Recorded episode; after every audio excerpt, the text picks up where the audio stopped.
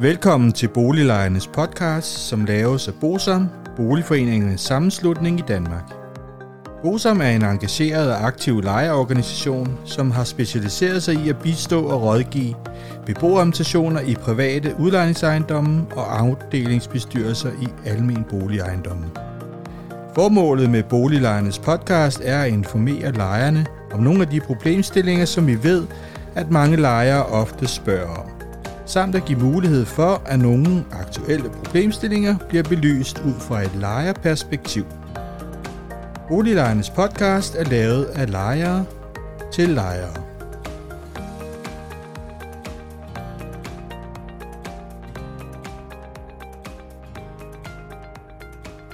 Velkommen til Boliglejernes podcast. Mit navn er René Sur, og jeg arbejder i Bosom. I dag skal vi have 10. del i slaget om Møllerparken, og der skal vi se på ghetto-listen 2023. Igen i år startede december måned med, at ghetto-listen blev offentliggjort, fordi at hvert år den 1. december, så har boligministeren jo for vane at offentliggøre ghetto-listen. Og som jeg underholdt jer med sidste år, så er det jo sådan, at nu er det jo ikke kun én liste, men flere lister, som bliver offentliggjort. Men den første, vi skal se på, det er jo ghetto-listen, eller som de nu er begyndt at kalde den, her for et år siden, listen over parallelsamfund.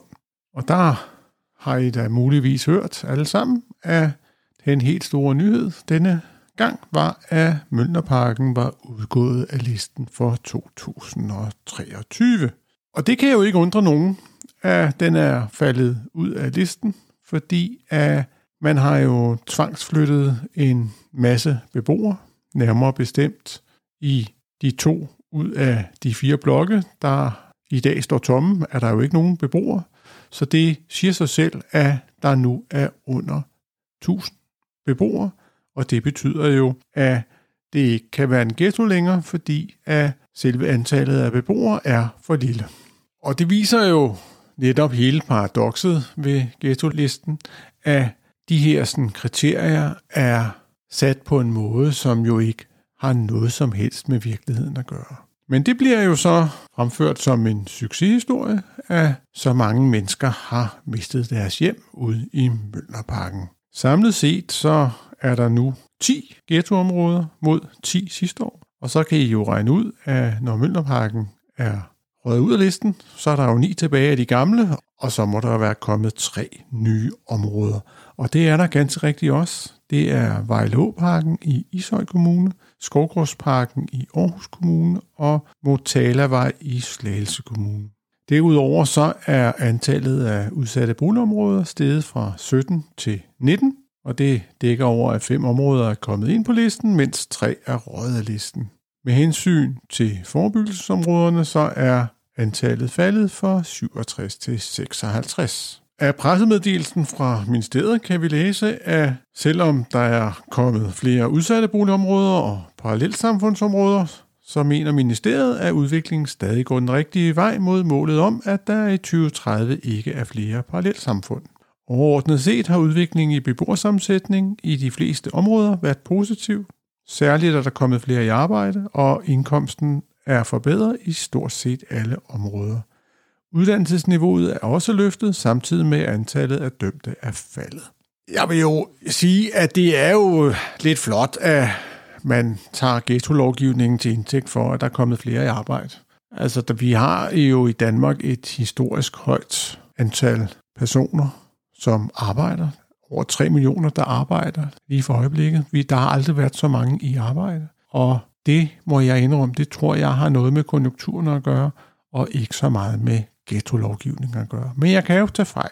Det siger også sig selv, at hvis der er flere, der kommer i arbejde, så vil indkomsten i området også stige. Det har heller ikke noget med ghetto-lovgivningen at gøre, efter min bedste overbevisning. Pernille rosenkrantz teil vores social- og boligminister, hun siger så til den her pressemeddelelse, Aftalen om parallelsamfund er i mine øjne en af de vigtigste aftaler, hvis vi skal give alle børn de samme muligheder i livet, uanset hvor de vokser op.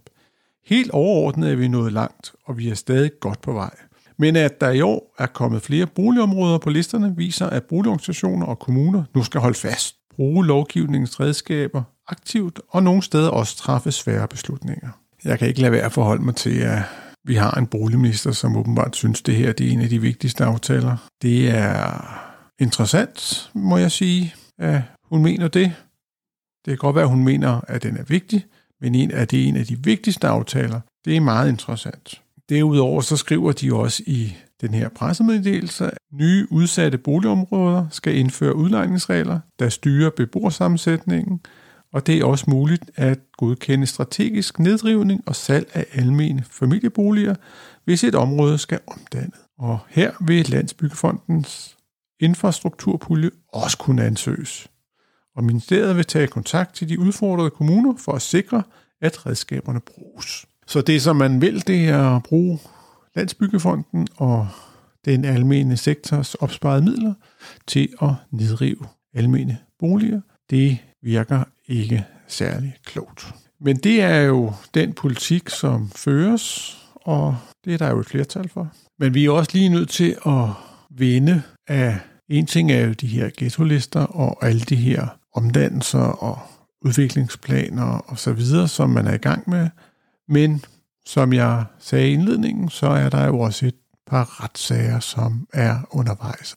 Og hvor vi allerede her inden jul har en boligretsag om af Bovita ude i Møllerparken om hvorvidt de har brugt en forkert paragraf i den almene lejelovgivning. Det har så fået beboere til at gøre indsigelse mod opsigelserne, og hvorefter at Bovista så har stævnet dem. Det er jo utroligt spændende, hvad boligretten kommer frem til. Der er jo ingen tvivl om, at hvis lejerne får medhold, så bliver den jo anket til Østerlandsret. Men det her inden jul. Når vi kommer om på den anden side af nytår, så forventer vi, at i første halvdel af 2024, så vil EU-domstolen tage stilling til, om der er en ulovlig forskelsbehandling i de her ghettoområder, når man bruger kriteriet ikke-vestlig oprindelse. Det var jo Østerlandsret, der tilbage i november 2022 besluttede, at det skulle EU-domstolen tage stilling til.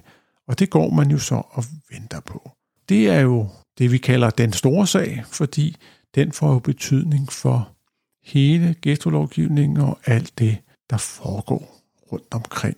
Og der kan man jo sige, at hvis lejerne får medhold, så vil det jo have store konsekvenser, fordi at de forskellige boligselskaber og kommuner og boligministeriet har jo bare fortsat nedrivningerne og forflytningerne og omdannelserne af de her ghettoområder. Problemet er jo, hvad sker der, hvis nu at lejerne faktisk får ret i deres sagsanlæg? Det vil vi selvfølgelig følge, fordi det er en retssag af principiel karakter, hvilket er også det, som øvrigt Østerlandsret siger. Det er derfor, den er sendt i EU-domstolen.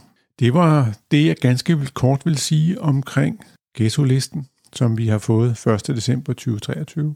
Med hensyn til holdningen til de forskellige kriterier og sådan noget, så må jeg henvise til nogle af de tidlige afsnit, fordi uh, der er meget, man kan sige om det, men det vil jeg ikke trætte jer med. Til gengæld, så skete der jo også noget andet i Social- og Boligministeriet den 1. december. Jeg kan jo ikke lade være at forholde mig til, at man vælger at sende en presmeddelelse ud, hvor Social- og Boligministeren sammen med de øvrige partier i regeringen har besluttet at give 10 millioner kroner ekstra i julehjælp i 2023 til udsatte familier.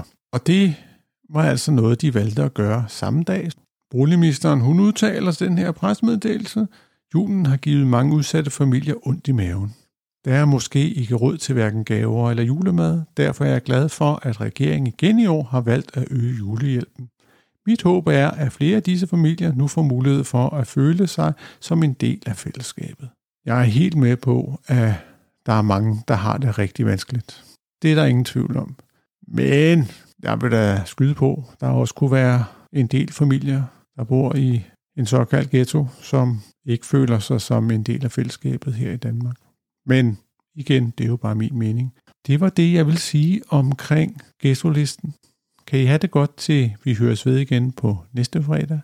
Og husk indtil vi høres ved, har I selvfølgelig muligheden for at høre alle de gamle afsnit. I har mulighed for at abonnere på podcasten og selvfølgelig at være med i vores Facebook-gruppe. Ha' det så godt til vi høres ved. Hej hej. Hvis du synes om Boliglejernes podcast, vil vi blive rigtig glade, hvis du deler episoden med dine venner, og måske giver os en anmeldelse og nogle stjerner i iTunes, så vi derved kan komme ud til mange flere lyttere. Oplysningerne i denne podcast er udtryk for vores opfattelse af retsstillingen på nuværende tidspunkt.